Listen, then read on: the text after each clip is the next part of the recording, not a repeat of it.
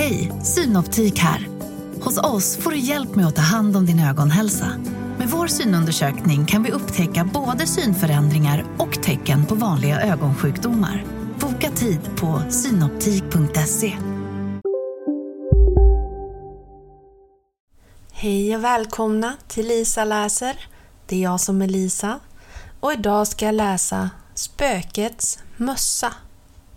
I en by bodde en flicka som var lika full av rackartyg som hon var lat.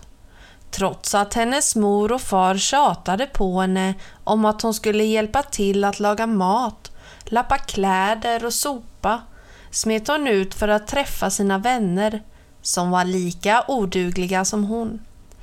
De satt på flodstranden och skvallrade och småpratade medan deras mammor tvättade kläder och la ut dem på stranden för att torka helt nära kyrkogården. En dag började Anja och hennes vänner diskutera vem som var modigast. De skröt och skröt tills Anja slutligen sa Jag är inte rädd för någonting.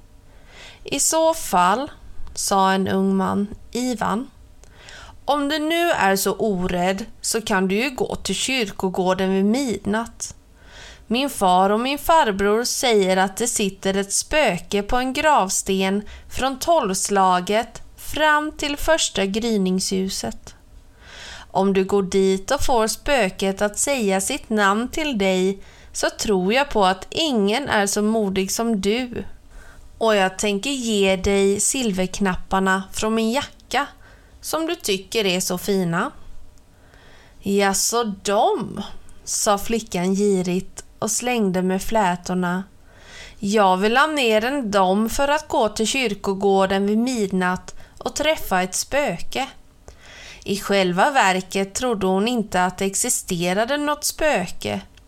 Hon visste att den unge mannens far och farbror var kända för att dricka ofantliga mängder med sprit. De såg ofta spöken på kvällarna när de skälpte i sig för många glas. Om du gör det ska jag ge dig två längder spets, sa en flicka.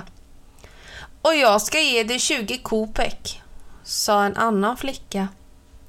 Snart hade Anja fått löfte om alla möjliga saker från sina vänner.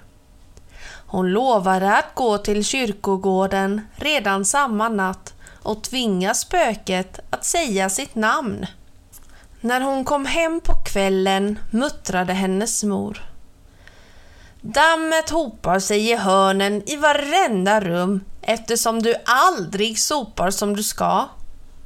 Snart, sa Anja och tog fram sin broderade älsklingsjacka och började klippa loss träknapparna medan hon tänkte på hur fint det skulle se ut med Ivans silverknappar istället. Hennes far harklade sig otåligt. Det vore bättre om du lärde dig att laga mat och utföra ett hederligt dagsverke istället för att bekymra dig om ditt utseende. Du kommer att dö klädd i trasor som ett fattighjon om du inte aktar dig. Aldrig, sa flickan och tänkte på spetsarna och pengarna och allt annat hon skulle få för att hon var så fiffig.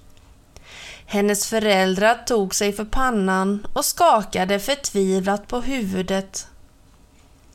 Strax före midnatt när hennes mor och far sov svepte Anja en sjal om sig och smög ut ur stugan.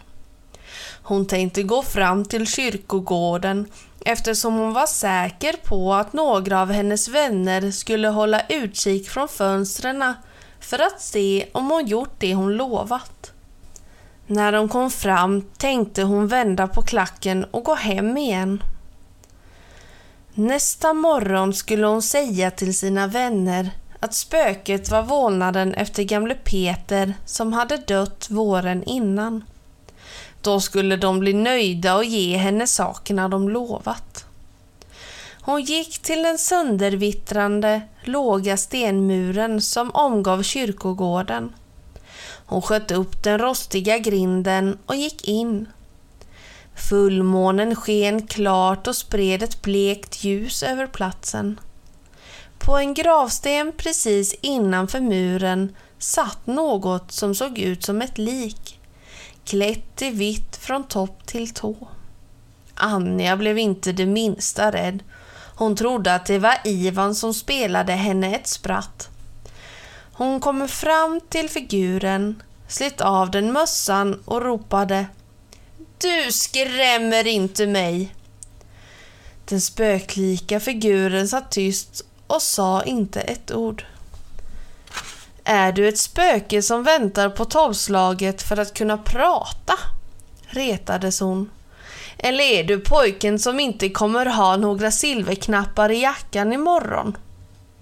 Hon skrattade och sprang tillbaka genom den månbelysta gatorna. När hon kom hem tittade hon på sin trofé och såg att det var en möglig vit keps som var fylld till hälften med jord. Usch! skrek hon till och slängde den i ett dammigt hörn i sitt rum. Sen blåste hon ut ljuset och kröp i säng. Hon vaknade tre gånger av att hon tyckte sig höra någon som knackade på fönstret. I vinden tyckte hon höra sig en röst som viskade Ge mig min keps! Ge mig min keps! Men när hon tände ljuset och sköt upp fönsterluckorna såg hon inget annat än mörker. Till slut sov hon gott ända till morgonen. Nästa dag träffade hon sina vänner vid flodstranden.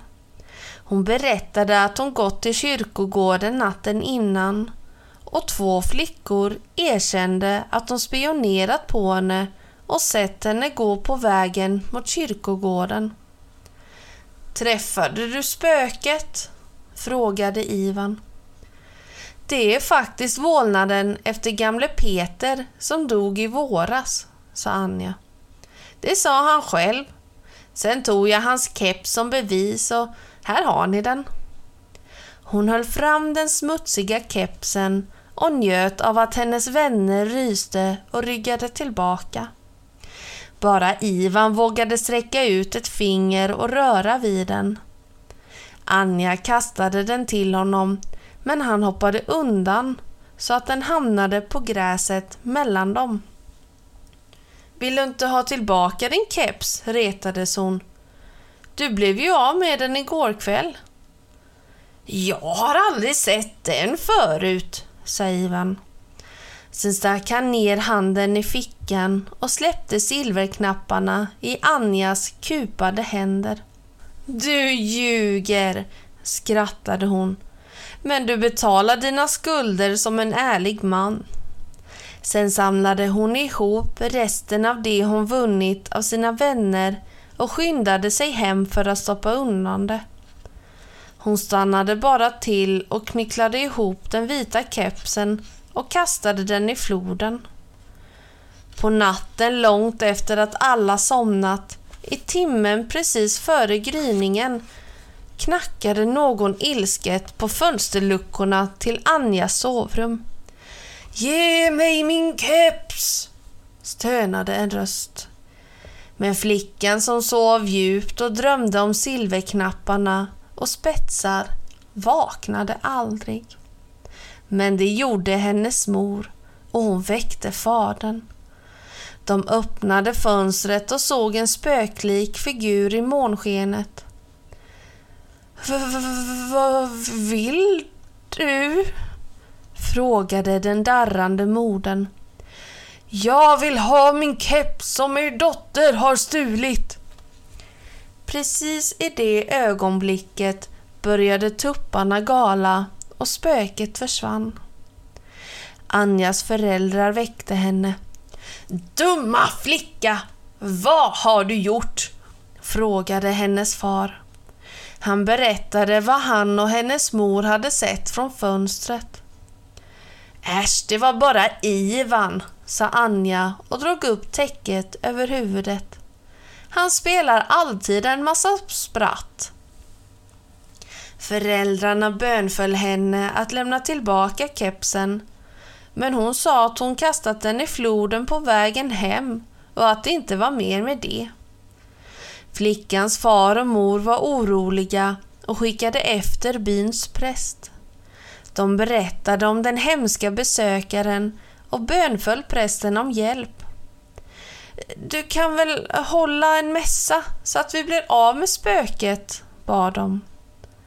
Prästen funderade en stund och sa åt dem att komma med dottern till kyrkan dagen därpå. Nästa dag släpades Anja till kyrkan trots att hon protesterade högljutt och sa att hon måste sy knappar och spetsar på sin älsklingsjacka. Prästen hade bett ett antal bybor att komma dit för att med sina böner hjälpa till att ge den oroliga anden frid. När mässan nästan var slut blåste en hemsk virvelvind upp. Hela kyrkan började skaka och alla kastades till golvet. Men Anja slungades ner med ännu större kraft. Ett enda blodisande skri hördes från hennes läppar. Sen blev allt tyst och virvelvinden slutade att blåsa.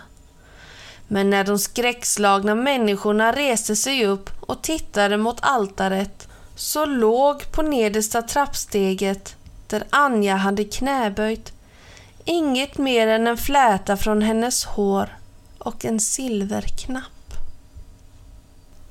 Och snipp, snapp, snut så var denna lilla spöksaga slut.